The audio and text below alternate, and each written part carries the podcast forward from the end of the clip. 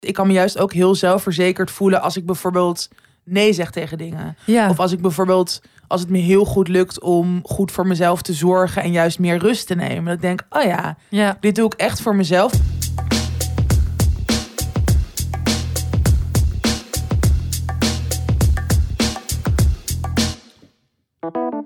Dag mensen en welkom bij de podcast Tussen 30 en Doodgaan. Mijn naam is Malou Holshuis en tegenover me zit Tatjana Amouli Hallo. in het glittergordijn. Hey!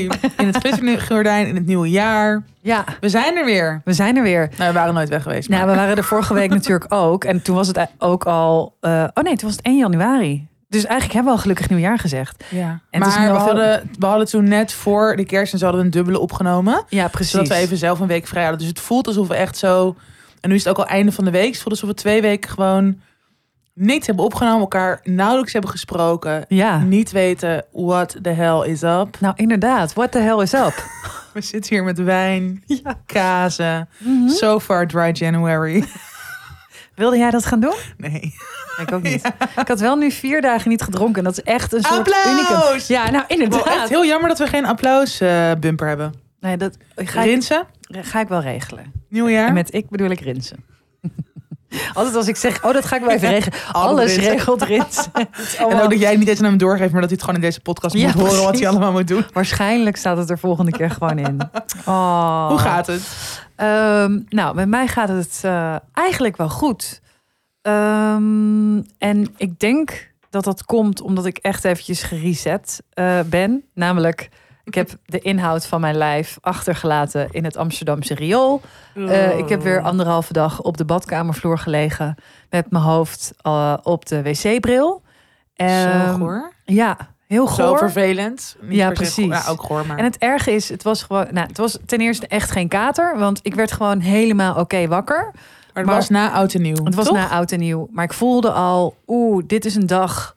Eh, nou ja, er komt, dus het is een beetje de spanning, toch? De oud en nieuw spanning. Mhm. Eh, wordt het wel gezellig? Ik ging koken, lukt het allemaal wel?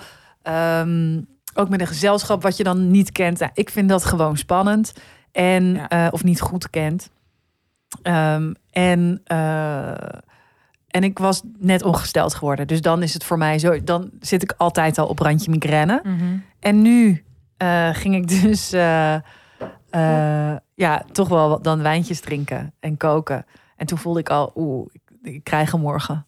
En toen dacht ik, oké, nee, maar dan ga ik gewoon Ga nu all the way. ga ik er nog eventjes van genieten. Oh. En toen eigenlijk viel het de volgende ochtend wel mee. Ja. En dan zo in de namiddag, dan, dan komt hij in één keer zo door. En dan ben ik echt, eh, ja, de lul. Dus dit was wel weer anderhalve dag. Het was een lange.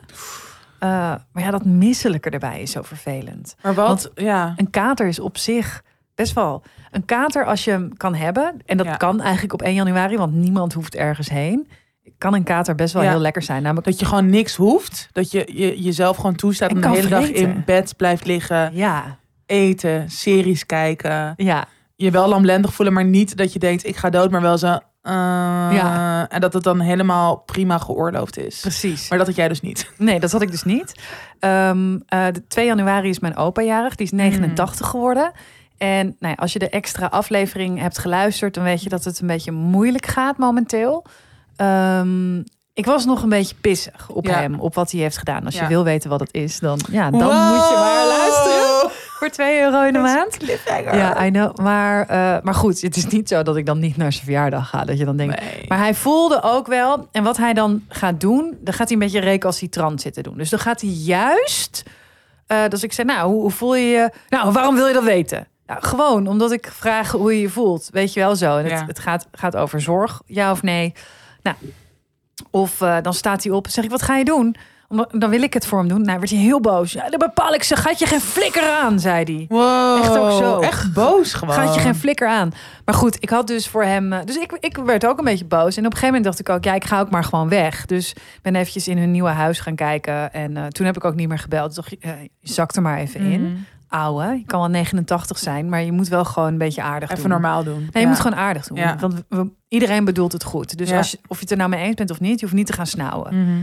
Ehm, eh, ik had hem een trainingspak gegeven voor zijn eh, verjaardag. Zo'n hele leuke hoodie. Hele leuke bruine kleur met een bijpassende eh, trainingsbroek. Heel lekker zacht van binnen. Wat cute. Ja.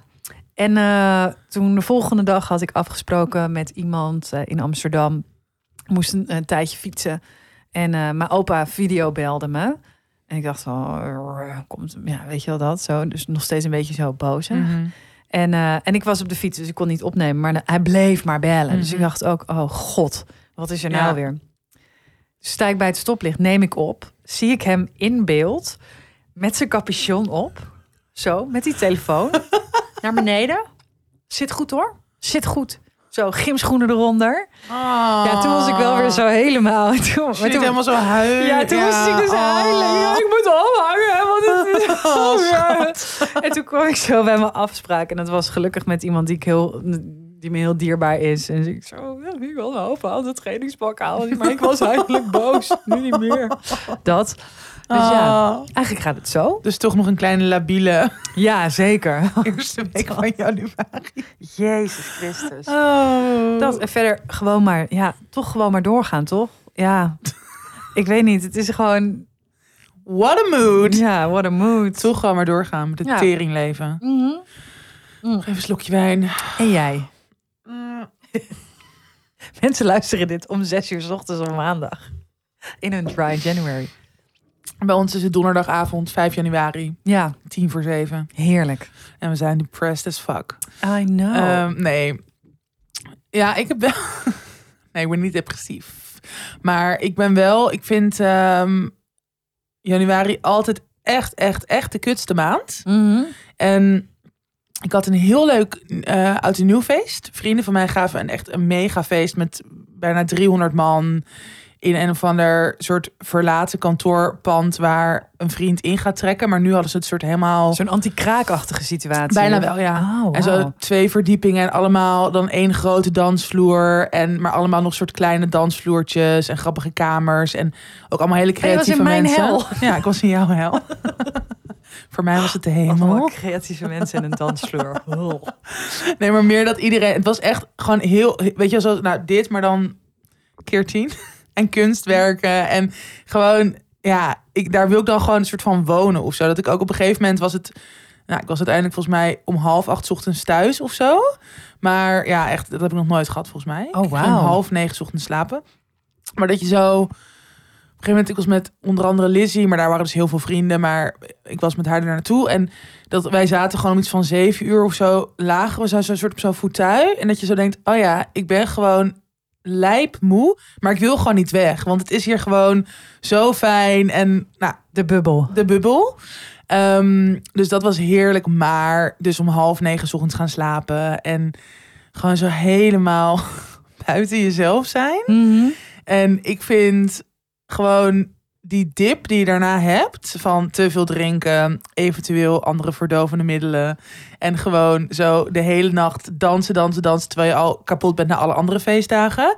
Dan die dagen daarna zijn gewoon niet te doen in januari. Nee. In de zomer, dit heb je natuurlijk ook gewoon als je naar een festival bent geweest. Naar Lowlands ben je ook helemaal brak en kapot. Maar dan schijnt in principe de zon of je hebt gewoon nog een soort die zomer Mhm. vlinders in je, in je lichaam. En nu is gewoon een soort alles door en grijs en koud en nat en donker. En ik kan er, ik kan er gewoon niet, ik kan het gewoon niet handelen. Ik kan ook niet bedenken, dit gaat weer over of zo. Ja. Als ik daar middenin zit. Je denkt gewoon, het wordt nooit maart. Het wordt gewoon nooit maar. Het wordt nooit beter. Het wordt gewoon...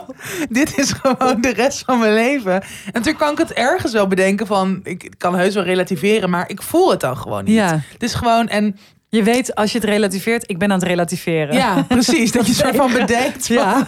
Alleen wat wel weer... Dat is dus... Hier hebben we natuurlijk al in eerdere afleveringen over gehad. Ik ben... Nou, wij allebei. Maar ik ben heel erg zo control freak. Dat je... Dat ik dan heel erg van tevoren ga bedenken... Oké, dan moet ik dus zoveel keer per week wel deze week sporten. Ik Ja. moet in dat koude water. Ik was vorige week, toen was ik ook... Was mijn moeders verjaardag. Dat is altijd gewoon ook zo'n rare dag. Ja. En toen was ik ook een beetje down. En toen lag ik echt zo 's ochtends in bed. Ik was heel vroeg wakker geworden. Toen lag ik echt zo in bed. Dacht ik, oh ja, volgens mij is dit het goede moment dat ik heel veel bioscoopbezoekjes ga plannen. Dus ik had echt zo op 29 december voor deze week zes ja, maar jij geboekt. woont daar. Ja. Heb je ook nu een VIP-stoel? I wish. Oh my Cinefiel God. als je luistert. Ja, filmhallen, rol de loper uit. What the Inderdaad. fuck? Nee, maar dat, dus dat, dat, ik merk dat ik nu me dan al wel iets beter voel dan bijvoorbeeld Ja. maandag en dinsdag. Maar ja, ik heb je vind ook gewoon helemaal niet gehoord. Nee, ik ben, al, ik ben ook gewoon een soort uitgetuned of zo. gelukkig nieuwjaar. Ja, ik ga niet reageren. Ja. Bo, vertel nog heel veel dat verhaal van je broertje, want dat had jij dus ook verteld. Oh. Ja, en daar, ik had daar ook niet op Oh, gereageerd, ja. omdat ik echt zo dacht, ja, zie je, de wereld is... Oké, voor die Verdoord. enkeling die mijn column niet leest op Ja. evajinek.nl. Ehm, eh, mijn broertje woont in de straat waar de postcode kanjer op is gevallen van bijna 60 miljoen. En hij Dit had is echt geen loten Oh my god, ik vind het zo zielig. maar anders heb jij gewoon een miljonair als in je broertje. familie, ja, als broertje. Erg, erg hè, dat je dat meteen denkt. Je denkt, ik, de- dacht ook nu meteen aan mezelf. Dacht ik, oh, mijn studies. Hij, hij, had zijn zin, hij had zijn zin nog niet af. En ik dacht ergens in mijn onderbewust dacht, dat is lekker. Je hebt hem altijd veel geld gegeven. Dat krijg je nu een keer terug. Dat dacht, het is gewoon, het is het eerste. Zo denk je gewoon. Ja, ik snap Mijn- het helemaal. Mijn onderbewuste denkt zo. Mijn onder, ik, ik, ben, ik probeer gewoon, ik bedoel, ik ben in, ik cool ben, en collected te zijn, ik ben maar... geen goed mens. Ja, nee. Ik ben geen goed mens. Zeker het is niet. zo, ik wil goed zijn, zeg maar. En dat, dat is mijn. Dat, zo presenteer ik me. Ja. Maar als je diep van binnen kijkt, denk ik alleen maar aan Ja. Chanel-tassen. en mijn studieschuld. Ik dacht, eindelijk een huis kopen. In Antwerpen en in Amsterdam. Ik dacht gewoon, oeh, en ik hoef nooit meer te fietsen. Ik kan altijd met de taxi. Terwijl, ja, ik, ik wil mijn broertje was waarschijnlijk gewoon zo er heel veel van gaan gamen. Dus zo heel goede game dingen voor 60 miljoen. Nee, ik denk eh, dus, ja, zijn buren hebben allemaal 2,3 miljoen en hij niet. Ik, vind, ik, ik, ik kan het gewoon bijna niet geloven, zeg maar. Dit is gewoon zoiets wat je... Ja, nee, ja, ja het is, het is. Nou ja, dit is dus de enige loterij eh, waarbij je eh, weet wat je verliest als je niet meedoet. En je weet wa- wat je had kunnen winnen. Dus ze spelen heel erg in op het eh, eh, gevoel van: oh, straks krijg ik spijt. Dus daarom heeft ook iedereen, vooral met deze trekking, heeft een lot. Mijn moeder, die koopt echt altijd heel veel loten. Die denkt dan ook nog, ik wil dan ook gewoon nog meer dan een buurvrouw. ja, ik ben, ik, ik weet wel van wie ik het heb, zeg maar. Zo grappig. Maar mijn broertje is dus heel. ehm, mijn broertje is heel slim. Hij is heel eh, eh, slim en hij eh, zit een beetje op het spectrum. En dat komt hem bij in dit geval heel, goed, uit. Ja. Komt hem op heel veel manieren heel goed uit. Maar nu, ik bedoel, wij, zijn er, wij reageren er heel emotioneel op. En wat als? En we- weet je wat Mhm. dat? En hij is zo nuchter. En hij kijkt, ja, maar het maakt dus niet uit. Want normaal wint een straat in Brabant, eh, wint dan. Maar dan heb ik ook geen loten. Dus dat nu toevallig mijn straat wint, verandert niks aan deze situatie. Namelijk, ja, ik heb Ja, ik heb het niet, nee. Ik heb het niet. Maar ik had het hem wel heel erg gegund in mezelf. Ik had het jou niet gegund, ik ben blij. Ja. nou, weet je waar ik dus ook achter ben gekomen? Nou, Dat eh, je gunt het vreemde dus meer Ja. dan mensen die je misschien een beetje kent van vroeger of zo. Dat is toch ook heftig? ja, maar je hoort toch ook altijd dat inderdaad binnen families of binnen vriendengroepen... dat het toch gewoon een soort lastig wordt als iemand opeens heel rijk is. Ja. Ik zou, als ik zoveel geld zou winnen, zou ik wel eh, de studieschuld van al mijn vrienden afbetalen. Echt? Ja. Ja, dat zou ik zo leuk vinden om te doen. Dat is wel heel leuk. Wat zou jij dan doen? Ik ook.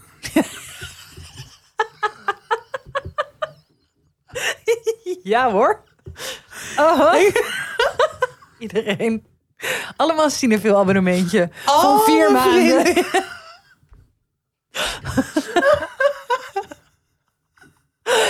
Nee, ik Ook? zou, ik zou wel heel veel ontroerend goed. Ja, ik, ik zou gewoon op heel veel plekken in de wereld huizen kopen. Ja. Toch? En een, ja. Maar ik zou wel, nee, ik zou echt wel geld gewoon aan mijn broertje en zusje en ook wel aan, aan goede vrienden geven. Gewoon bijvoorbeeld inderdaad.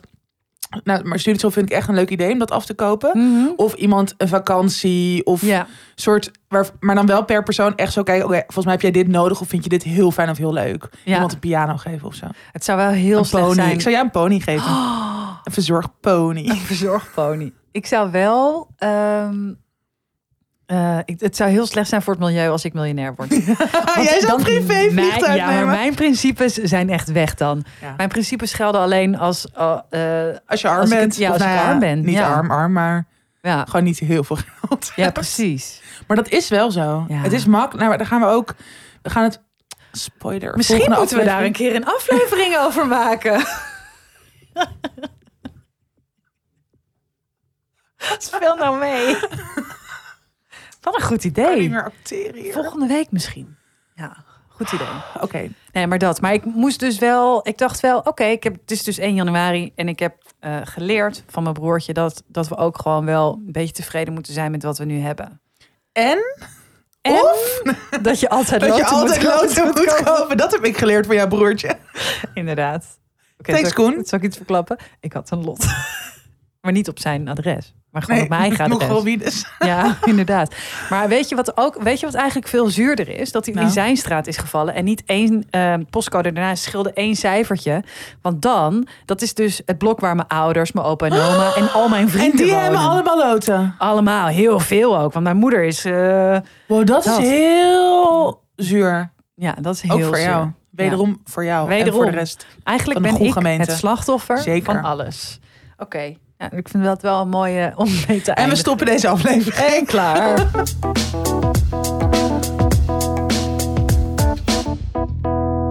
Ik vind het een heel leuk eh, onderwerp om, om het over te hebben. Ja. Eh, we gaan het hebben over zelfvertrouwen. Ja. Maar als je dit een week geleden als onderwerp, dan was het een heel ander gesprek geworden. Want Bij jou. ja, nou bij mij. Maar ik denk dat, eh, dat het heel grappig is. Want ik denk dat we dit onderwerp zelfvertrouwen misschien nog wel vaker kunnen gaan behandelen. Omdat ik van mening ben, ik trap hem meteen even af, Mhm. eh, dat zelfvertrouwen heel fluïde is. Totaal. En door. ja. En kort van stoel vandaag Ja. voor de verandering. Terwijl ik moest vorige week moest ik bijna ongesteld worden. Ja. Ik wilde van een brug springen. Ja. Echt van een brug. Ja, maar dat, dat is dus ook... eh, zelfvertrouwen is van heel veel dingen afhankelijk. En eh, natuurlijk heb je... Ik denk dat wij bijvoorbeeld allebei... Nou, ik denk dat wij sowieso heel erg anders zijn, ook, ook qua zelfvertrouwen. Maar eh, dat wij hier allebei ook wel andere tijden in hebben gekend. En dat je nu misschien wel iets meer een soort basislevel van zelfvertrouwen hebt. Ja. Wat gewoon best wel goed is. Mhm. Wat gewoon best wel solide is. Alleen dan alsnog... Wat zit je te kijken? Niks. Oh, je zat opeens echt een soort crazy eyes. Oh, Het is zo... dit is mijn... Is dit je dronken hoofd? Nee, dit is mijn... Ik ben gewoon heel erg Gefocust. gefocust. Ja, ik kan niet stilzitten. Ah, Oké. Jammer. Ehm, nee, maar dat, je, dat, het dus, dat, het, dat de basis gewoon best wel goed is. Maar dan alsnog kan het van je, hangt het van je cyclus af. Dus inderdaad, of je bijna ongesteld wordt. Natuurlijk ook, daar gaan we denk ik straks nog wel iets meer over hebben. Een soort verschil tussen eh, externe en interne factoren. Mhm. Dat het denk ik ook heel... Dat, ja, Ja. het hangt er ook heel erg mee samen. Dus of je gewoon zelfverzekerd van jezelf bent of ja, van door meningen van andere complimenten of juist negatieve opmerkingen en hoe je dan, weet je, hoe dat effect heeft op je zelfvertrouwen. Ja. Ehm, maar hoe, ja, hoe staat het dus nu bij je? Op dit moment voel jij Op moment zelfverzekerd, maar echt een soort winning. Ook omdat ik heb er echt een bizar lange dag op zitten. Mhm.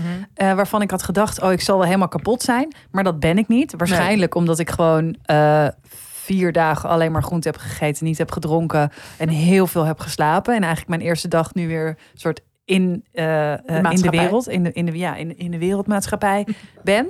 Ehm, plus, ik heb eergisteren een heel goed gesprek gehad bij mijn uitgever. Mm. En ehm, ik zag het eigenlijk even niet meer zitten. Mijn boek, als in ik haatte het. Nou, dat heeft natuurlijk ook heel erg met zelfvertrouwen te maken. Ja. Eh, want op een gegeven moment eh, nou, kwam ik op een punt dat ik het alleen nog maar door de ogen van anderen kon kijken. Terwijl dat Mm. is daar nu nog helemaal niet de fase voor. Misschien is dat wel nooit eh, de bedoeling. Dat je dingen maakt en dat je dan denkt, wat zou die of die ervan Mm. vinden of hoe zou het eh, ontvangen worden. Maar ik had daar heel veel last van. Nou, dat is natuurlijk met werk dat nog helemaal niet af is. Wat nog in het midden in het maakproces zit, is dat echt heel, eigenlijk heel gevaarlijk. Want daarmee blokkeer je je creativiteit Mhm. en je blokkeert gewoon jezelf. En dat- dat was ik heel erg aan het doen. Plus, het was gewoon chaos. Het was een beetje chaos in mijn hoofd. Ik denk dat het ook komt door wat er is gebeurd bij mijn opa en oma. Dan ik, dat wankelt. Want het is natuurlijk een van de allerbelangrijkste dingen die er zijn Mhm. voor mij. Mhm. Ehm, tenminste, dat raakt me eh, gewoon meteen tot op het bot. Dus als daarin iets gebeurt in je basis, dan ben je natuurlijk alles daarbuiten is opeens is dan ook wankel. Ja. Nou, dat voelde ik heel erg. Maar ik had mezelf zo eh, vastgezet in de deadlines. Mhm. Namelijk, je gaat naar Antwerpen en dan gaat het gebeuren. Je schrijft je boek af. Dan gaan we Ja. naar huis, dan gaan we het lezen en bla bla. Nou, dat is dus niet gelukt. Nee. Maar daar zit dus ook een proces aan vooraf. Dat je iedere dag niet hebt gedaan wat je zou moeten doen. Mhm. Ja. Want je hebt het niet gered. Of wat je zou willen doen ook ergens. Want jij legt Precies. natuurlijk jezelf vooral... Ik bedoel, het zijn Ja. ook afspraken met je uitgever... maar het is vooral jezelf Ja. die je dat oplegt. En dat is gewoon niet goed voor je zelfvertrouwen. Of Nee. je nou eh, bloed of niet bloed, dat is gewoon nooit fijn. Ehm, dus ik merk eigenlijk dat ik daar heel erg eh, veel last van heb gehad. Mhm. Gewoon van mezelf. Ik heb Mhm. heel veel last gehad van mezelf. En ehm, nou, toen was ik bij mijn uitgever en toen zei ik: wat we nu hebben bedacht is niet realistisch. Dan ben ik heel bang dat ze boos op me worden. Van, oeh ja, dan weet je, wat, wat flik jij ons nou? Ja. Eh, want je staat al in de catalogus. Maar goed, alle mensen die schrijven of die eh, met schrijvers werken, weten echt wel dat kan gewoon gebeuren. Ja. En nu is, is het een maandje uitgesteld. Ja. Hebben we een nieuwe planning gemaakt die ook voor mij eh, haalbaar is, namelijk weekendvrij. goed schrijven. En we beginnen gewoon nu weer. Want ik was ook het hele overzicht kwijt. Mm. Ik wist niet meer waar. Ik kende mijn boek niet meer uit mijn hoofd. Wat dus Mm. heel gek is. Ja. Want je hebt het zelf geschreven. En Ja. ik, ken, ik wist niet meer. Als je- noem me een, een hoofdstuk, dan weet ik niet meer of dat hoofdstuk wat we daarna bespreken, is dat er nou voor, Ja. er nou na. Ja. Oh, dat is echt heel kloot. Het is heel complex. Het is ook een complex boek met twee tijdlijnen door elkaar. Een verleden tijd en een tegenwoordige tijd. Dus ik heb het mezelf ook heel moeilijk gemaakt. Ehm, en nu zijn we iedere dag bellen we een kwartier. En dan bespreken we twee hoofdstukken vanaf het begin. Dat is dan de planning. Mm. En daar zijn we gewoon heel veel over aan het praten. Mijn redacteur Harold en ik. En ehm, ja, ik begin eigenlijk nu de lol er weer van in te zien. En ik begin ook weer het verhaal te voelen. Oh ja, dit wilde ik vertellen. Oh, oh ja, hier zit de noodzaak. En ook weer mijn creativiteit komt weer terug. Dus eh, ja, je hebt nu weer de fijne gesprekken. hey, maar moet ik haar niet nu hier dat laten zien? Ja, ja. Om dit gesprek. Moet zij niet heel even een opmerking maken hierover alvast? Oh ja. Omdat en eh, nu gaat het in één keer zo heel goed. Dus mijn zelfvertrouwen gaat dan ook meteen weer door het dak. Ik ben gewoon bestseller aan het schrijven. Dat is ook- Even mijn vraag. Kan je te veel zelfvertrouwen hebben? Nee, nee. Ja. grapje. ja, nu ben ik gewoon arrogant. It's a small step. Klein Matthijs van Nieuwkerkje poelen. Ja, precies, inderdaad. Net even iedereen verrot gescholden Ja. bij Podimo. Super. Ja.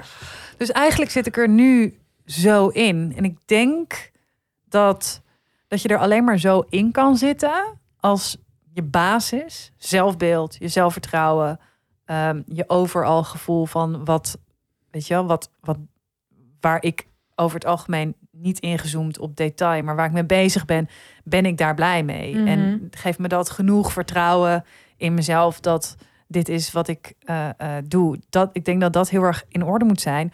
Om je af en toe onzeker Ja. Te kunnen voelen en je kwetsbaar op te kunnen stellen. Om het dus uiteindelijk dan beter te maken. Ja.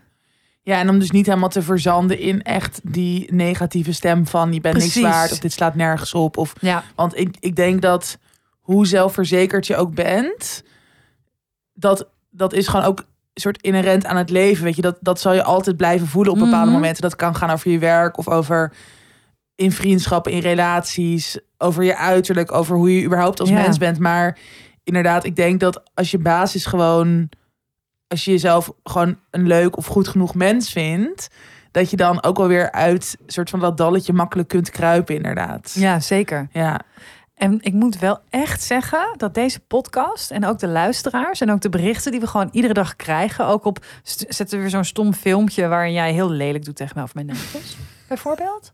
En gewoon hoe leuk mensen daarop reageren, dat heeft dan ook weer ergens te maken met, oh ja, maar dit, er is zoveel wat gewoon heel erg fijn in orde is. En wij kunnen dit Mhm. natuurlijk ook alleen maar maken omdat we er goed, omdat we ons goed voelen over ons hebben, omdat we dit durven en omdat we ook weten dat we mensen om ons heen hebben. Dus die luisteraar die, eh, die dit ook accepteert. Je moet, wel, je moet je wel continu geaccepteerd voelen en voelen dat je er mag zijn om dus die onzekerheid en dat zelfvertrouwen eh, te laten gaan, om dat weer te kunnen laten groeien, denk Ja. ik. Ja, en om dus inderdaad, want dat in deze podcast, dat we inderdaad regelmatig dingen vertellen die we ook best wel spannend vinden, of waar we ons ook wel kwetsbaar over voelen, of misschien Ja. voor schamen of in het verleden. Ehm, maar dat vind ik ook heel erg fijn aan deze tijd, dat er natuurlijk gewoon veel meer mensen zijn, of het nou in boekvorm is, of inderdaad in columns die mensen schrijven op, of op social media, of in een vlog Ja, dat daar gewoon dat er ook al meer openheid is over oh ja of je, hebt toch nu toch ook door nou in ieder geval hier in Amsterdam maar misschien door meer steden dat soort tagline van iedereen is onzeker. Mhm, dat zie je ja. ook vet veel gewoon als graffiti zeg maar. En dat is ook zo. Iedereen is ook wel eens onzeker. En natuurlijk als je fucking vaak onzeker bent of weet je wel je voelt wel gewoon dat je heel vaak in een soort negatieve vibe over jezelf komt ja dan dat, dat herken ik wel van vroeger Ja, eh, dan is het misschien op een gegeven moment wel fijn als je daar iets mee gaat doen. Of als je Mhm. weet je dat gaat onderzoeken bij jezelf. Oké, waar komt dat vandaan? Of wat kan ik er tegenover stellen? ja, Maar los daarvan, ja, wat jij in het begin zei, dat is denk ik heel erg. Het, het fluctueert gewoon. Het Mhm. is, weet je wel, ook. Ik merk nu ook alweer dat. Eh, ik was in de zomer veel zelfverzekerder dan nu. Maar dat Ja. komt omdat mijn leven nu ook op zijn kop staat. ja. Weet je, gewoon heel veel dingen.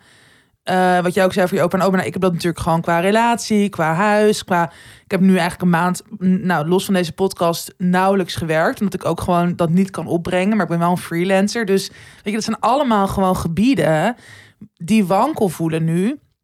Waardoor dat wel ja, ook iets doet in hoe ik ja, mezelf als mens al dan niet capabel vind. Of denkt van, oh ja, en gelukkig is er door de jaren heen bij mij ook heel veel veranderd. Waardoor ik me gewoon inderdaad, nou, waar we het net over hadden, ik ook echt wel een soort goede basis in die zelfverzekerdheid heb. En ook wel daardoor het vertrouwen van ik ga het wel gewoon fixen en het komt allemaal wel weer goed. Of weet je wel, ik vind wel weer een weg in hoe Ja. ik me dan beter ga voelen. Maar als ik ook kijk in de zomer was ik gewoon een soort alleen maar high on life en gewoon dat ja dat dat dat eh, straalt dan ook in alles door of zo. ja. Dus dan is alles meteen geweldig. Dan is, weet je wel, eh, ja, mijn lichaamsbeeld geweldig, mijn werk geweldig, mijn, ja, gewoon alles. Vriendschappen geweldig, alleen maar een soort van yes, yes, yes. En dat, maar dat kan ook niet voor altijd voortduren. duren. Dat is ook gewoon niet het leven.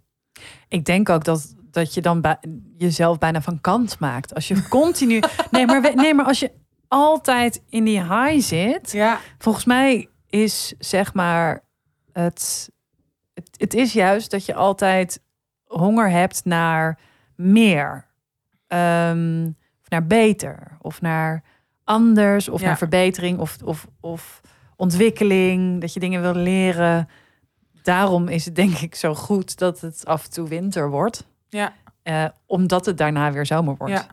Ja, en ik denk, ik, dat vind ik ook wel, want misschien is het ergens ook een soort misconceptie. Is dat een woord?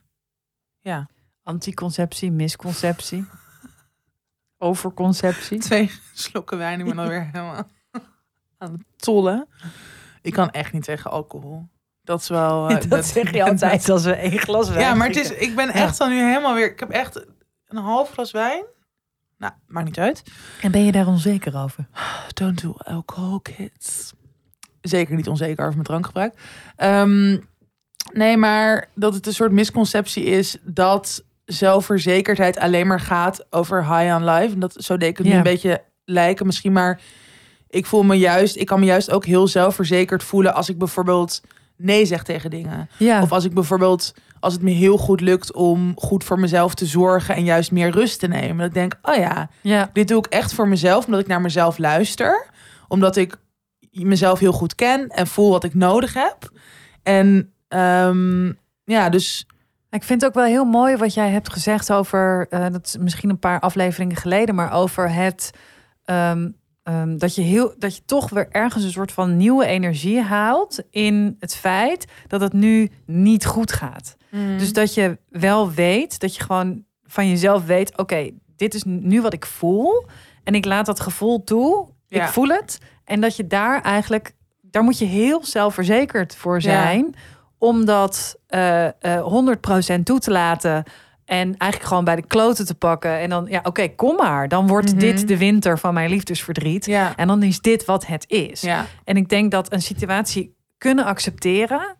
ehm, en dan gaat het heel erg over zowel intern als extern. Mhm. En je daarin toch nog je eigen basis hebben. En daarin geloven. En daar eh, naar kunnen luisteren. Dus wat Mhm. jij zegt. Kijk, ik lig op een badkamervloer. En ik wacht gewoon weer totdat mijn lichaam zegt... Oké, je kan wel weer een glas wijn drinken en kaas eten.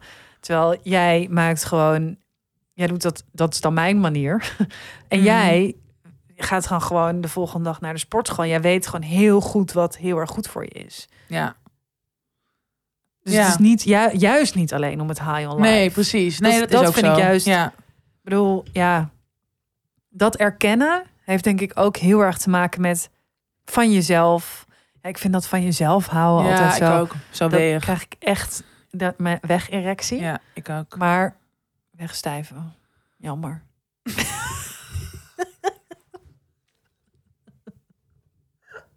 We waren echt goed op weg. Zonder debiele dingen te zeggen. Dat.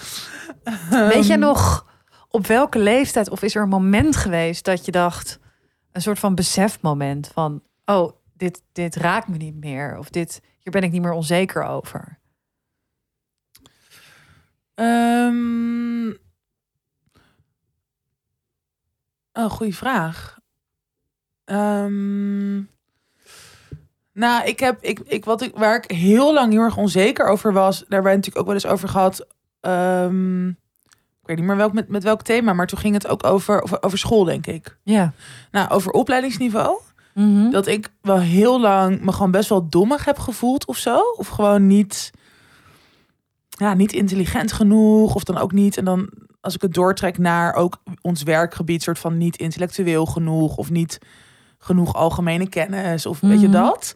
En ik merk wel dat ik de afgelopen twee jaar daar echt, ja, dat, dat boeit me gewoon echt niet meer. Of zo. Dat ik denk, oh ja, als mensen mij dom vinden of ze hebben daar een mening over of ik maak een keer een taalfout er ja lekker belangrijk of zo dus dat ik merk wel dat dat ehm, daar echt niet meer zo onzeker over ben Mhm.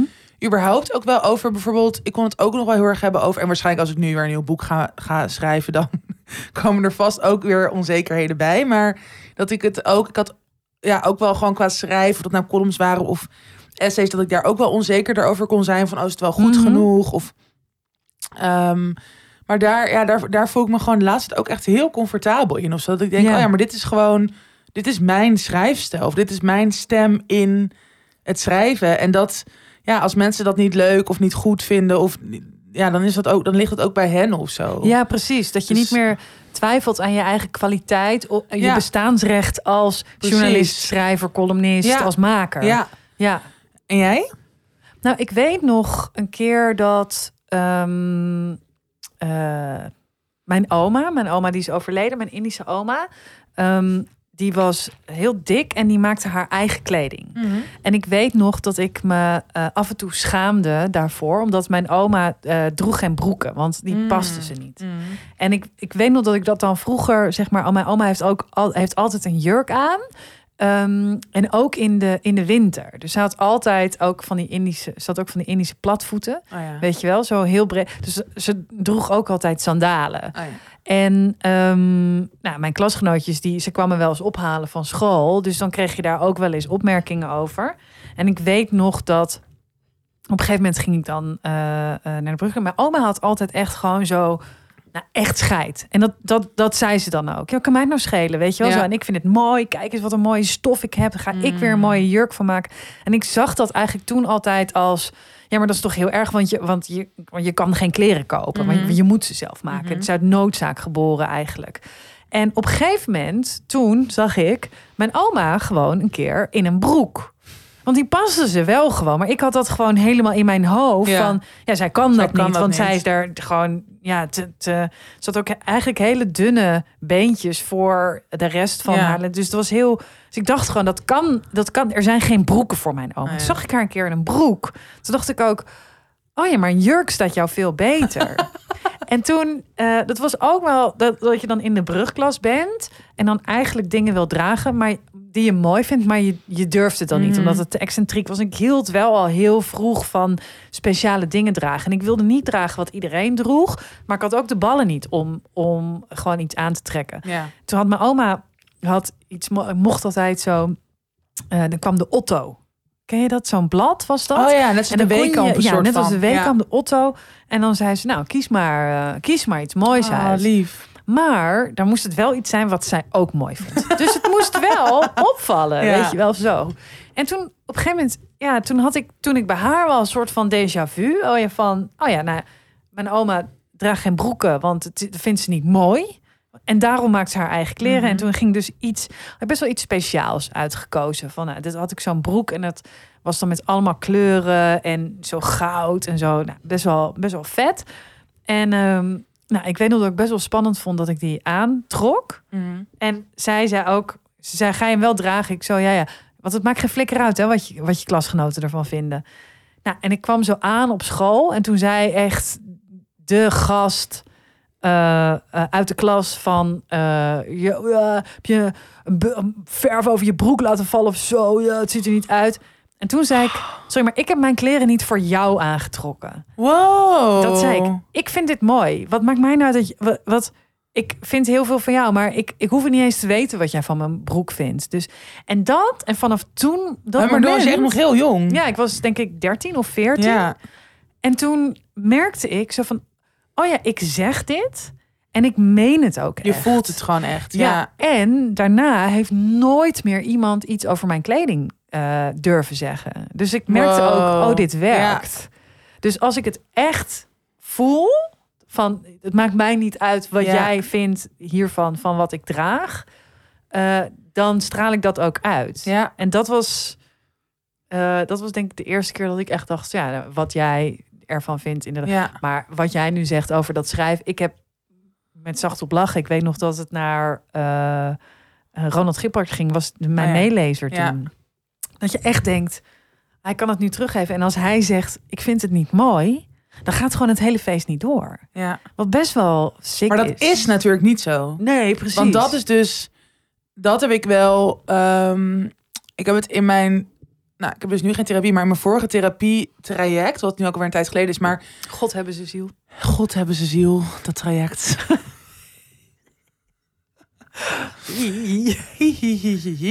Ehm, daar ging het, bij mij ging het daar heel vaak over, dus eh, interne bevestiging en externe bevestiging. En extern is natuurlijk dus de reacties van anderen. Dus net zoals met zo'n boek, Ja, ja. uiteindelijk, en dat is natuurlijk, dat is ook een soort utopisch beeld, hè. Maar uiteindelijk zou het er inderdaad natuurlijk niet om, moet, om moeten gaan wat andere wat mensen. een ja. meelezer vindt, wat een recensent vindt. Als het voor jou gewoon op dit moment goed of goed genoeg is. En natuurlijk ook, kijk, je redacteur die leest gewoon met een kritisch oog, maar ook uiteindelijk ook in dienst van jou. Want jij bent wel, het is jouw boek. Ja, zeker. En dat, maar goed, ik, ik heb het natuurlijk ook met, weet je, als een boek verschijnt, dat is gewoon fucking spannend. En je kan nooit 100% denk ik denken, I don't give a fuck, want het is gewoon zo kwetsbaar. Ja, en ook, het moet ergens ook wel goed ontvangen worden. Want dat eh, eh, zegt ook of jij nog een boek mag schrijven, ja of nee. Zeker. Het is niet zo dat als ik nu één boek schrijf wat niet goed aanslaat, dat je dan, ik bedoel, je hebt op een gegeven moment ook wel een band met je uitgeverij en ook met je opdrachtgevers. Weet je wel, als je één keer iets maakt. Ik bedoel, ja, Wat niet een tien is, ja. Onze luisteraars zullen ook wel van sommige afleveringen denken, nou, Ja. eh, dit uur in mijn leven krijg ik nooit meer terug. Nee, Dit inderdaad, dat klopt. goed. is niet ons probleem, weet je? Ja. Nee, maar het moet. Ik denk dat het gewoon een soort van in wel een beetje in balans moet zijn Zeker. tussen. Want er zijn natuurlijk. Kijk, als jij een boek schrijft waarvan je denkt: oké, dit vind ik zelf gewoon een prul, maar de mensen vinden het wel interessant. Weet je, ja, dat is dan dat is het gewoon niet. ook, hè? Dat bestaat Ja. zeker. En dan zou Dat ik gewoon mezelf echt Ja, inderdaad. van Nee, kant maar ik denk ook dat dat nu, ehm, zeg maar, mijn streven met mijn volgende boek is dus dat als het uitkomt, dat ik, eh, of naar mijn, als, als mijn meelezers, dat, eh, dat ik me daar dan eh zelfverzekerder over wil voelen. Ja, Dat, dat hoop ik. Ja. En ik denk wel dat dat, juist omdat dit hele proces gaat nu heel anders. Dat, eh, ik hoop gewoon dat ik uiteindelijk een maker kan worden. ehm, waarbij mijn eigen gevoel over wat ik maak leidend is. ja. En de rest mooi meegenomen. Of jammer. Ja, want en ik denk dat dat, maar goed, dat is dus als je al die basis hebt in dat zelfvertrouwen, is dat Ja. gewoon makkelijker. En bij mij was het gewoon echt, nou, dus tot mijn eind twintigste wel. Of eh, misschien een beetje ook. Nou, had ook wel bij mij was ook wel zo'n moment met knap voor een dik meisje. Toen ik dat ging schrijven, toen dat verscheen. Dat was een soort van één grote fuck you naar Ja. de wereld. Ja. Ehm, omdat, ja, en, en daarna begon, of een soort van tijdens begon dat therapie eh, traject, of net daarna. En toen realiseerde, of toen, toen, nou, ik niet realiseerde, maar mijn therapeut confronteerde me met het feit dat eigenlijk, soort van, als ik mezelf verzekerd voelde, dan dat kwam dat ik dan een soort compliment had gekregen over iets. Ja. Of het dan ging over je ziet er leuk uit. Of van een lover, oh je bent knap of aantrekkelijk. Of inderdaad dat ik een positieve reactie op mijn boek kreeg. Of het, ik ontleende gewoon een soort van al mijn zelfvertrouwen aan die externe bevestiging. Ja. En als ik dan iets negatiefs krijg, ja, dat kreeg, dan was het gewoon heel erg een bevestiging van, oh ja, zie je, ik ben niks waard, ik ben niet goed genoeg. Ehm, en in, in die therapie ben ik dat dus soort van gaan opbouwen of gewoon gaan leren zien van, oh ja, eh, ik, ik heb ook heel veel kwaliteit. Of ik, weet je, ik vind eigenlijk ook wel dingen leuk aan mezelf, maar dat moet ik gewoon even iets meer gaan beseffen en voelen. En dus wat jij ook zegt, en bij jou ging het dan over kleding, maar natuurlijk ook over bijvoorbeeld gaan schrijven Ja. naast, weet je wel, nadat je eerst andere banen had gedaan, maar dat je heel erg bewust kiest van, ik ga gewoon veel meer leuk of veel meer dingen doen die ik leuk vind, waar ik energie uit haal.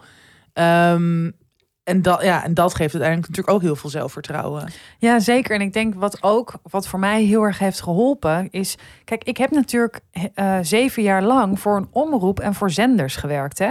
Waarbij je dus eh, eigenlijk leert om jezelf te toetsen door de ogen van de zender of de omroep. Ja. Eh, waarbij je dus. Dus ik dat, dat anders denken. Dus is het wel goed genoeg voor de zender? Mhm. Dat is nu, nu je zelf, zelf maker bent, een onafhankelijke maker. Wat echt al fucking vet is om te zeggen, toch? Ja. Gewoon onafhankelijk maker. Ik mag maken wat ik wil. Podcast van mij. is van ons. Ja. gaan we gewoon niet, weet je, zo'n boek. Van, ja, Ja. dat. Dat is al. Nou, ik denk dat dat beseffen en dat gewoon ook kunnen zeggen. Ik ben een maker. Dat dat al zoveel zelfvertrouwen vergt. Mhm. Ja, ook Ehm. omdat het volgens mij gaat zelfvertrouwen dus ook heel vaak over inderdaad vrijheid en autonomie. Ja. Om helemaal gewoon je eigen pad te kunnen kiezen en inderdaad te luisteren naar, oh ja, maar dit wil ik echt. Of dit voelt voor mij goed. Of dit is wie ik ben. Inderdaad, een maker. Of Ja. eh, weet ik veel ook misschien als je heel graag ouder wil worden. Of weet je wel, gewoon de, ja, dat je dat soort keuzes durft te maken, daarnaar gaat luisteren. En ja, dat geeft dan denk ik heel veel nou, vertrouwen en ook in jezelf. Ja. Ik denk dat we er wel zijn. ik denk het ook. Oké. Oké, doei.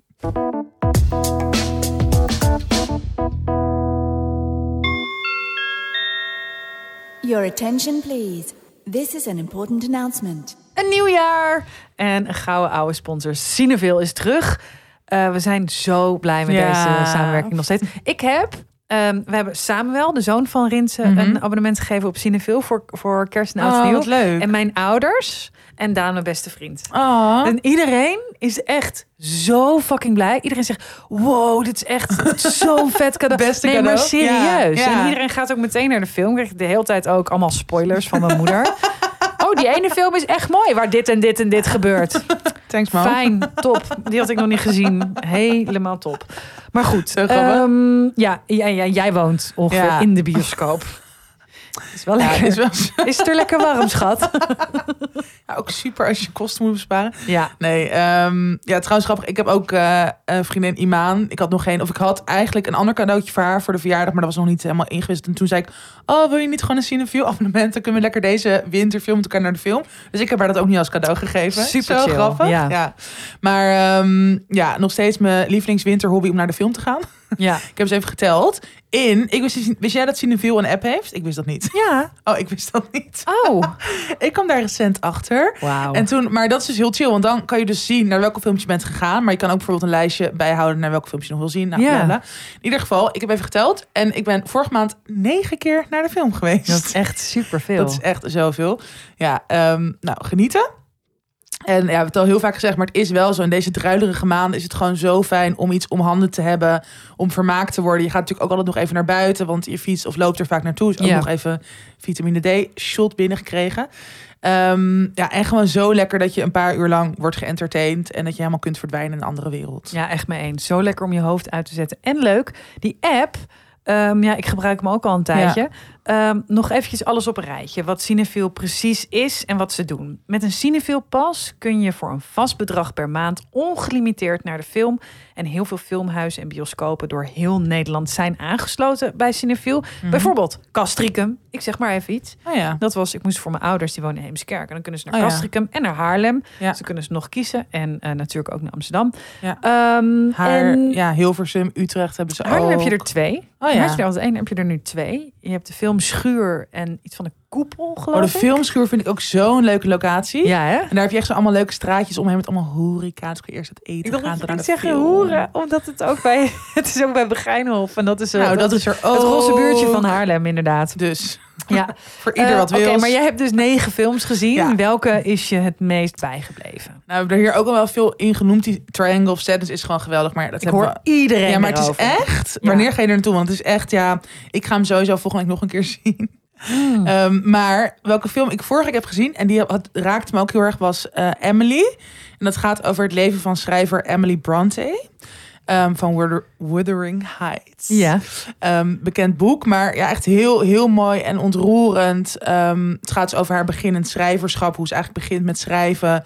Maar ook heel erg over, nou, dus je eigen pad durven kiezen als vrouw. Was in haar tijd nog allemaal veel moeilijker. Heel erg dat gedienstige wat je als vrouw hoort te zijn. Dat ze daar ook op een gegeven moment best wel zich tegenkeert. En gewoon schrijven, schrijven, schrijven. Maar het gaat over, ook over eh, mystiek, spiritualiteit, over liefde, familie, rouw. Heel veel thema's. Maar op een hele integere manier gebracht. Super mooie natuur. Ehm, de hoofdrol wordt gespeeld door Emma McKay. Zij is Maeve uit Sex Education. Ah. Ja, love haar zo erg. En eh, ja, dat vond ja, echt heel mooie film. Ik denk er nog steeds echt wel vaak aan. Ik denk ook, ja, voor ons als schrijvers dan toch ook interessant hoe dat, eh, hoe, ja, hoe iemand heel erg die roeping vindt en ehm, gewoon zo gepassioneerd is dat ze door alles heen gewoon schrijven, schrijven, schrijven. Ja. Dus ja. En jij? Nou, ik, ehm, eh, nee, ik wilde iets zeggen wat ik dus heel erg leuk vond, was dat ehm eh, Rinse met zijn zoon naar She is geweest. Omdat oh, hij is natuurlijk, goed. eh, ja. hij is zo puber 18 en zo eh, best wel veel vragen aan het stellen en eh, zo heel nou, kritisch op alles. Mhm. Of nee, je stelt vragen ja, over alles. hoort ook gewoon bij die Ja, leeftijd. inderdaad. En ook eh, ehm, ja, gewoon goed over het nadenken over hoe werken dingen in, in een maatschappij. Ja. Mhm. En ehm, ik vond het heel vet dat zij terugkwamen en dat hij zei ook van, oh, ik vind het echt zo'n goede film en zo goed in beeld gebracht. En ik bedoel, het is, ik bedoel, hij is 18 en eh eh, nou, Rinse is ehm 48. Ik ben bijna 36. Wow, echt drie generaties. Ja, en eh, dat, het is zo... dat is heel raar, maar het is wel waar. Ja, zeker. Oh, jij helemaal. Ja, maar heel- ja, het, zijn, het zijn ook andere, ja, Nou ja, gewoon- Gen Z, Ja, millennial en een boomer. Ja. En- maar dat je dus elkaar zo goed kan vinden in film, dat, dat vond ik zo heel fijn. Ik heb Ja. Shizet ook nog een keer gezien, Ja. omdat ik moest eventjes. Ik had hem toen gezien, toen ook met al dat Met de omroep. met de en- omroep. En, de, en ik wilde hem nu nog even een keer zien. Ehm, ik wilde hem gewoon nog een keer zien. Ja. En dat is ook zo fijn aan zo'n Cinefil pas. Ja, en dat het inderdaad, nou, daar hebben we het ook al vaak over gehad, maar dat is gewoon echt zo dat film je zo vaak aan het denken zet dat je er of heel erg herkenning uit kan halen, of dat je dus over bepaalde thema's waar je misschien nog niet heel veel van af weet, of waar je meer over wil weten, of waar je nooit echt bij hebt stilgestaan, dat, dat ja, door film het op zo'n andere manier binnenkomt. En Ja. ja. Nou ja, dat, precies wat jij zegt, het is heel erg fijn met zo'n cinefiel pas, dat je gewoon heel vaak ook naar dezelfde films kan. Ja. En ook omdat ze natuurlijk best wel vaak langer blijven draaien, dus dan kan je gewoon een maand later alsnog. ja, er komen heel veel vette films uit. Hè? Heel veel vet films. Ehm nou, welke ik ook heel erg benieuwd ben, is Broker. Dat is van de makers van Shoplifters. Ja. Ehm, met in de hoofdrol Song, Song Kang-ho Ja. van Parasite. Ehm, nou, die twee films, ehm, Shoplifters en Parasite, vond ik echt geweldig. Ja. Zo goed Koreaanse gemaakt. filmmakers, Ja, acteurs in ieder geval. ja.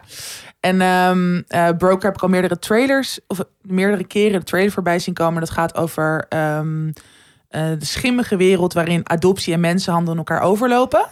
ja, best wel pittige thematiek. Maar het zag er wel het zag er heel erg aangrijpend uit. Maar ook niet te zwaar. Zodat je wel meteen getriggerd bent van ik wil dit zien. En volgens mij wel zo heel erg onder je huid kruipend. Maar wel iets wat je echt wil zien. Dat was Parasite natuurlijk ook. Totaal. Echt. Dat was bijna tragicomedisch. Ja. Maar, Maar zo, zo- rauw. Zo rauw, maar zo'n goede toon inderdaad. Dat, ja, echt heel knap. Ja, Ehm, nou, dus daar ga ik volgende week naartoe. Nu ja al klinkt in. goed. Ja. Nou, heb jij nog geen Cinefil pas en wil je hem dankzij deze lofzang toch uitproberen? hebben wij uiteraard goed nieuws. We mogen wederom twee maanden Cinefil weggeven aan jullie. Deze week onder de post op onze Insta kun je delen wat jouw Favo filmhuis is. Nou, ja, je kent het inmiddels. Eh, inspiratie voor andere volgers om, deze, eh, ja, om in deze barre maanden ehm, heerlijk warm en Ja. geïnspireerd vermaakt te worden in de bioscoop. Ja, nice. Oh ja, en als je hem nou niet wint, check alsnog www.cineviel.nl voor meer info over verwachte films. eh, die wij onder andere in deze aflevering hebben besproken. En ehm, om anders dus zelf een Cineviel pas aan te schaffen. Want die investering is het meer dan waard, zoals je hoort. En de pas is ook niet heel erg duur. Want tot 30 jaar is Cineviel maar 17,50 per maand. En daarna 21 euro. Dus nou, Als je negen keer naar de film gaat, zoals jij. precies, dan heb je hem er dik uit. Hoi. Hi. Ben ik weer met een nieuwe Fuck, Mary Kill. Ladies. Deze keer zijn het Carice van Houten, Hot, Georgina Verbaan hot, en Katja Herbers. hot. Leuke meiden. Best hot. Wauw. Nee, heel hot allemaal. Shit. Wow. Oh my god. Ehm. Oh, moeilijk. Heel moeilijk. Ik wil niemand killen. Nee. Echt niet. niemand. Heftig. Shit. Oké, zal ik eerst? Ja. Ik wil naar bed met Georgina Verbaan. Love her. Ja. Echt. Oh, jij bent echt heel verliefd. Ik heb je Ja. nog nooit zo verliefd zien kijken. Ja. Arme Rinse. Nee, is niet zo arm erin hoor. Rinse vindt goed. Rinse vindt wel goed. Eh, dus dat. Ik wil trouwen met eh, eh, Katja Herbers. Omdat ik... Ja, zij is van Extin- eh, Extinction Rebellion. Ik kan Ja. niet uitspreken. ik weet niet zo goed welk woord. ER. IR, zij is van IR. En eh, ja, dat vind ik waanzinnig Ja. wat zij doet, wat zij zegt. Dus ik, ik trouw voor haar. Ik trouw voor een betere wereld. Ja. En daardoor moet helaas eh Carice nu sneuvelen in het rijtje van drie. Maar ik wil op zich ook wel met Carice naar bed. Misschien kan je een trio doen. Oké. Ik denk dat dat wel een goede is. Wauw, wat ben jij mild. Ja, ik ga niet zo mild keer. zijn voor jou. Nee, weet ik. Oké, kom maar door. Maar ik heb volgens mij al meerdere keren een joker uitgesproken in deze categorie. jij bent Helaas. echt één wandelende joker in deze categorie. Oké, nou, ik ga gewoon even helemaal out of the box. Oh my god. Ehm, ik zou ehm, trouwen met Carice van Houten.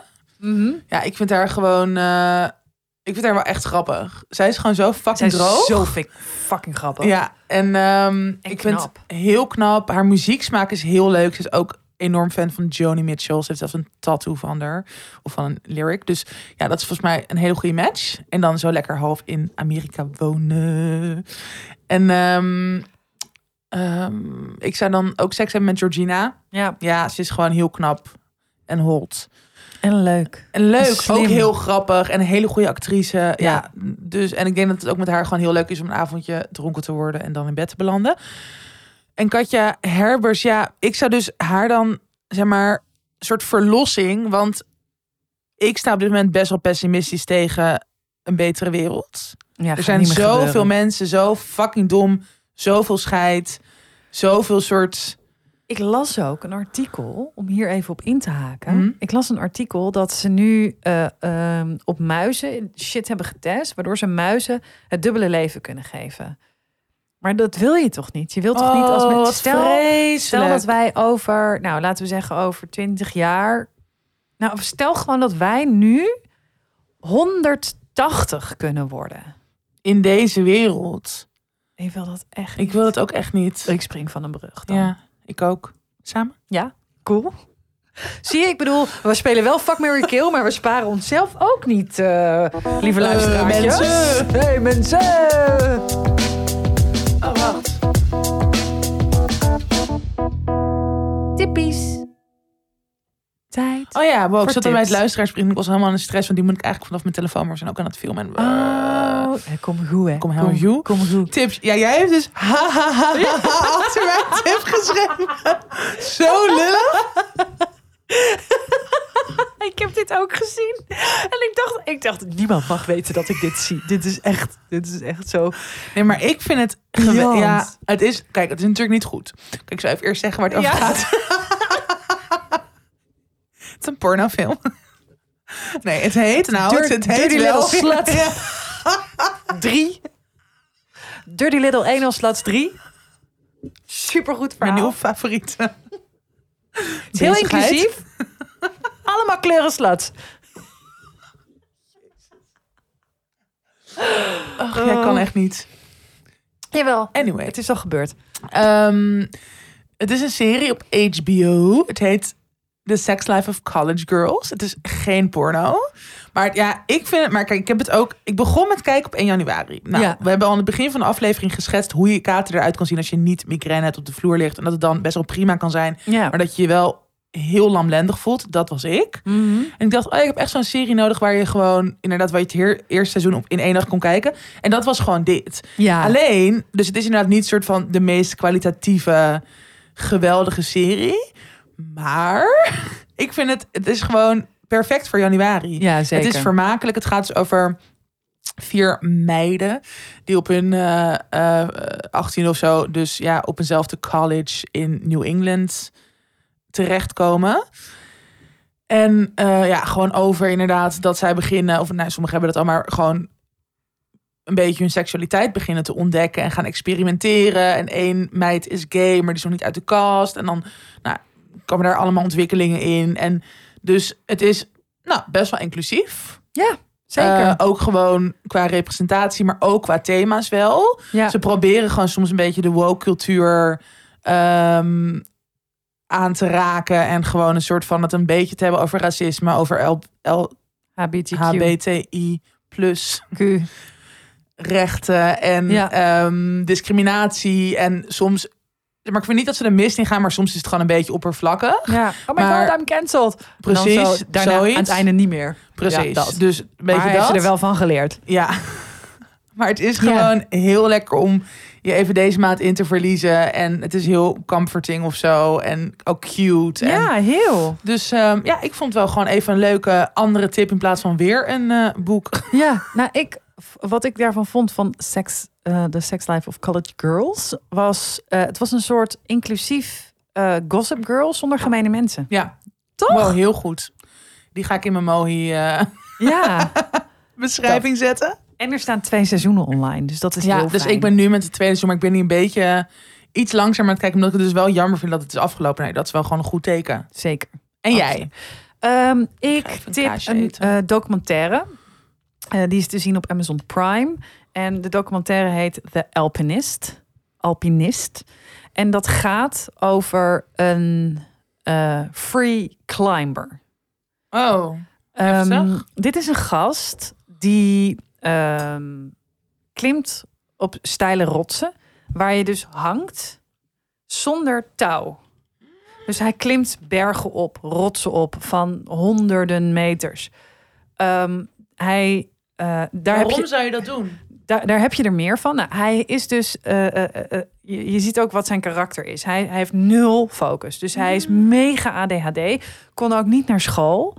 Maar als hij klimt, dan wordt hij dus rustig.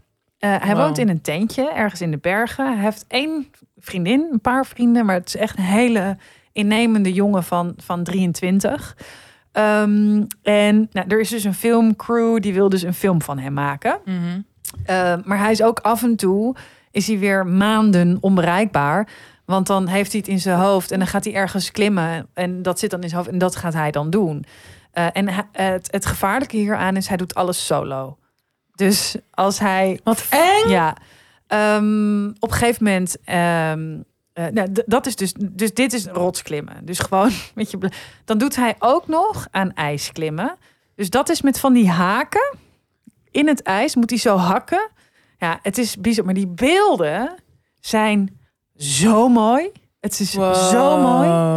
Het is, het is zo waanzinnig. Het is Eh, ja, het is zo mooi. En je moet. Ik kan niet vertellen hoe het afloopt. Want op een gegeven moment gaat hij ook naar Argentinië. En dan gaat hij eh, een soort van ijs. Hij klimt bijvoorbeeld ook zonder touwen of veiligheidsdingen bevroren watervallen op. Dus hele dunne.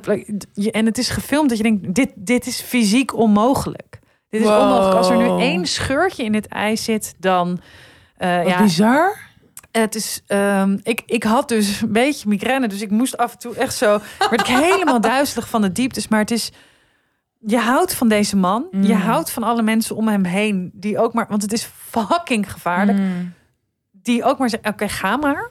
Ja. En je, op een gegeven moment, dit ga ik dan verklappen, op een gegeven moment. eh, ehm, Je lijkt je moeder wel, spoiler. ja, nee, maar op Oh, een gegeven grapje. moment gaat hij dus eh, een, een tocht maken. En dan zijn al die filmmakers helemaal boos van waarom, waarom heb je dat niet gezegd? En dan zegt hij, omdat de ervaring van solo klimmen, als jij mij filmt, ben ik niet alleen. Mm, Dan doe ik het mm. niet alleen. Ja. Al, al filmen zij natuurlijk met een drone. ja. Want zij kunnen daar niet komen. Nee, Niemand kan daar komen, alleen hij. Maar het is toch het idee dat je weet, anderen kijken mee of anderen Ja. hebben nu diezelfde. Ja, en ik wil eigenlijk ook deze een keer...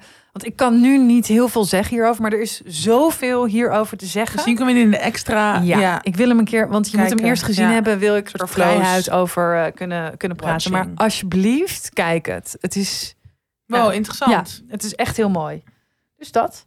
Zal ik eh, drukken? Yes.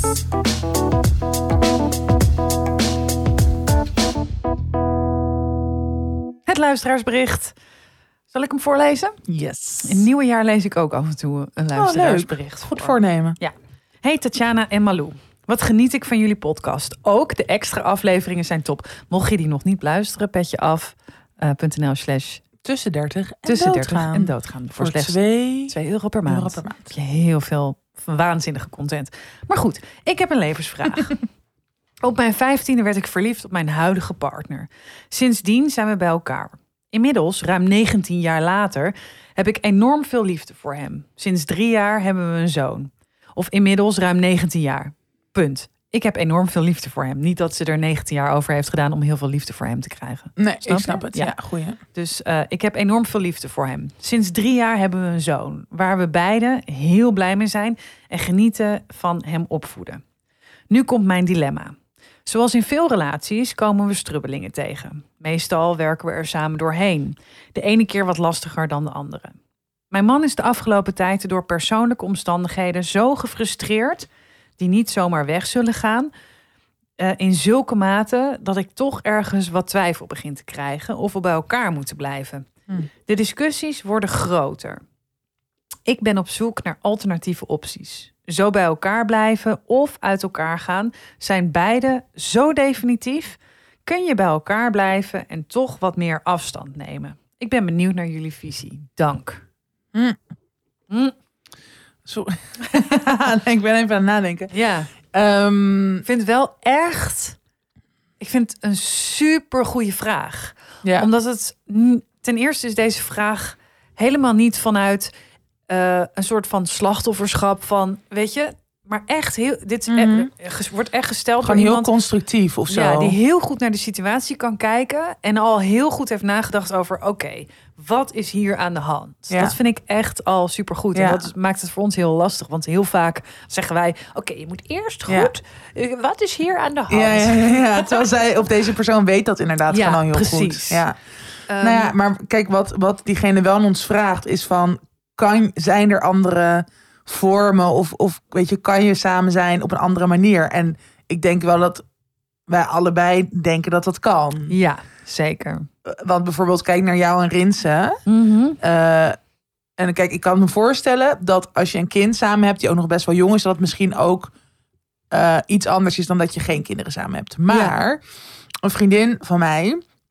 Die, eh, die woonde niet samen met haar partner... En toen werd ze zwanger. Mhm. En toen, jij kent haar ook.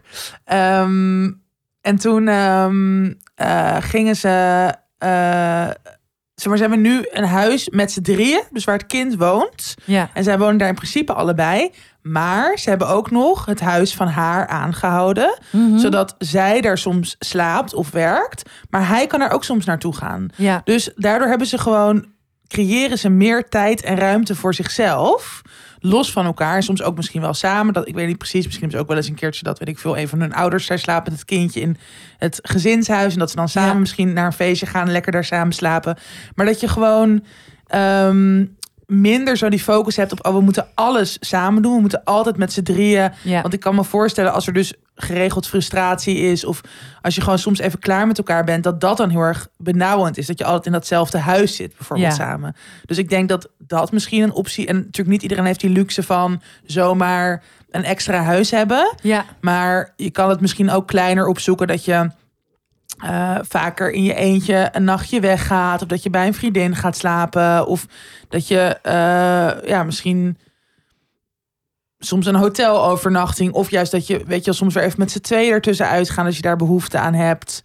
Ehm, ja, dus aan zoiets zou ik dan misschien denken. Ja, ik vind inderdaad niet samenwonen. Wat, wat echt vanuit een eh, bevoorrechte positie nu. Kijk, ik bedoel, eh, ik heb nooit samengewoond met mijn eh, liefdespartner. Dus.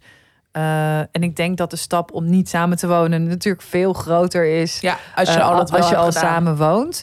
Maar ehm, ik denk dus dat dat echt een heel goed idee is.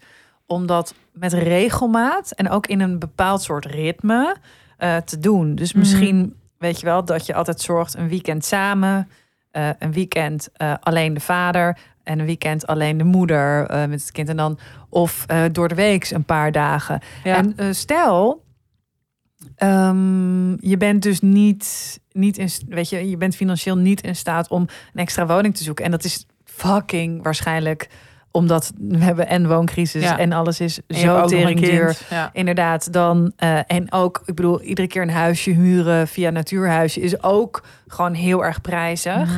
Nou ja, misschien is er wel een methode, weet je, dat je op, op huizen past Ja. van mensen. Wat ik dus best wel Wat jij heb heel gedaan vaak de hebt afgelopen gedaan. paar jaar. Ja.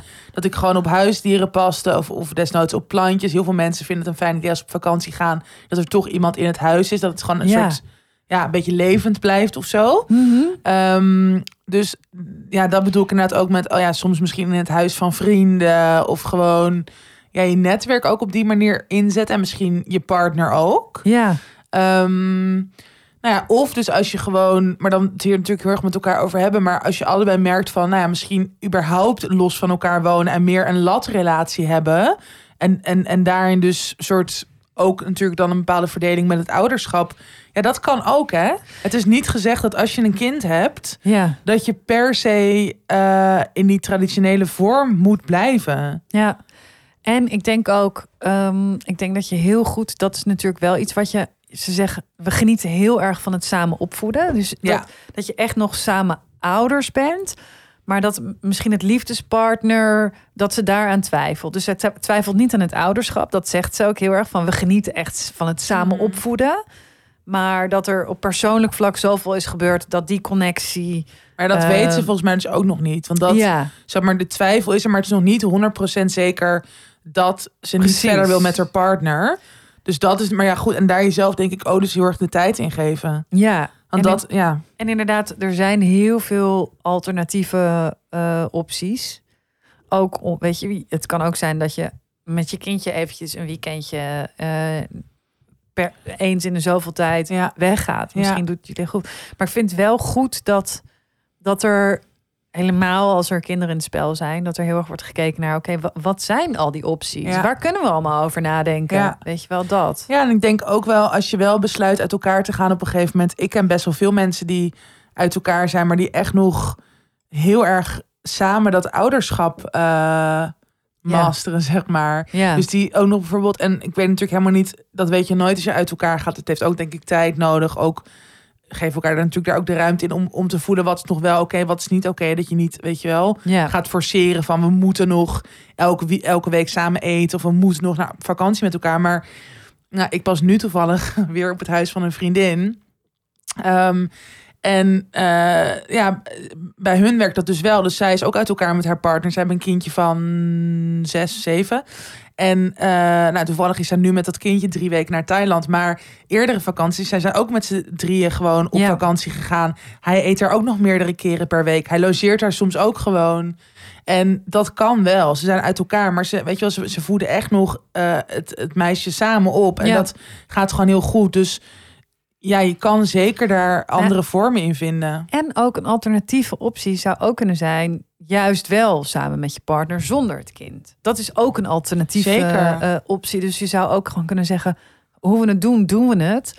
Maar wij zorgen dat we één keer in de twee weken samen 24 uur weg zijn. Ja, Waarbij we gewoon echt, weer Aan op onze relatie gaan werken. Ja. echt ook, we gaan, we gaan dat doen. We gaan kijken wat er nog, wat er Mhm. nog is. Mhm. Ja. Ja. Denk ik. Denk ik ook. En ook, nou, wat ik net ook al zei, maar jezelf gewoon heel erg de tijd erin geven om ook dus te voelen wat voor jou juist is. Want dat weet je soms ook nog niet. Dat hoor ik ook Ja. nog heel erg in het bericht. Dat, en dat herken ik ook heel erg van mijn eh, vorige relatie. Dat ik ook heel erg lang dacht, nou, ik weet gewoon nog niet zeker of het echt klaar is. Of er nog wel Ja. genoeg is. En vooral als je, nou, deze persoon is 19 jaar samen. Dat is, wij waren negen jaar samen. 15e, dat is echt hè? absurd. Dus Je bent dus als kind Ja. samengekomen. Je bent samen volwassen geworden. Ja. Dus eh, het is eigenlijk logischer dat zo'n relatie, tenzij je zo met elkaar meegroeit, dat je, ja, dat je uit elkaar groeit. En dat wil helemaal niet zeggen dat je niet meer naar elkaar toe kan Nee. groeien. Maar je zegt ook, je man, of, ja, je partner is heel erg veranderd. Ja. Eh, en dat gaat waarschijnlijk ook niet veranderen. Ja, heel erg nadenken over, kan jij dat nog, eh, ehm, is het nog, past deze relatie in deze nieuwe vorm met jou? Dat is het. Past Ja. dat nog bij past het nog? En zijn is er andere manieren jullie delen? waardoor het wel past? Ja, In- indien dat het niet meer past. ja. Maar ik vind de vraagstelling eh, laat wel heel erg zien dat je heel slim bent. En Dus dat Eh, scheelt. ja, nee, maar niet rancuneus of Ja. in paniek. Of gewoon echt heel erg bezig met oké, wat voel Hoe ik? Geen verder? haast, Ja. geen, dus geen ander. Dus dat. Ja. Nou, oké. Zet hem op.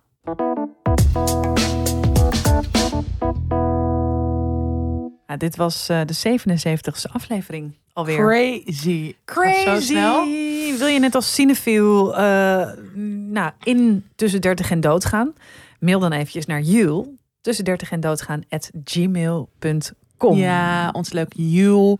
Ehm, heb je levensvragen, kwesties, dilemma's? Wil je iets anders laten weten? Heb je ideeën voor afleveringen? Wat dan ook? Ehm, stuur ons dan een berichtje. tussen 30, 30 en doodgaan op Instagram. Ja. Blijf ons reviewen.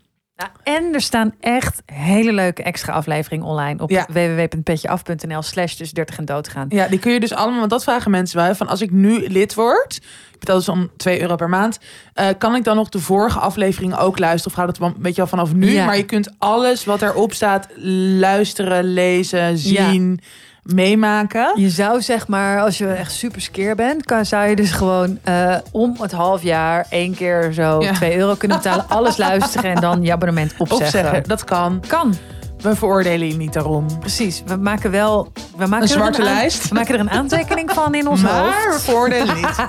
Precies. Go your gang. Hey. En veel plezier bij de film deze week. Ja, en tot eh, volgende week. Doei.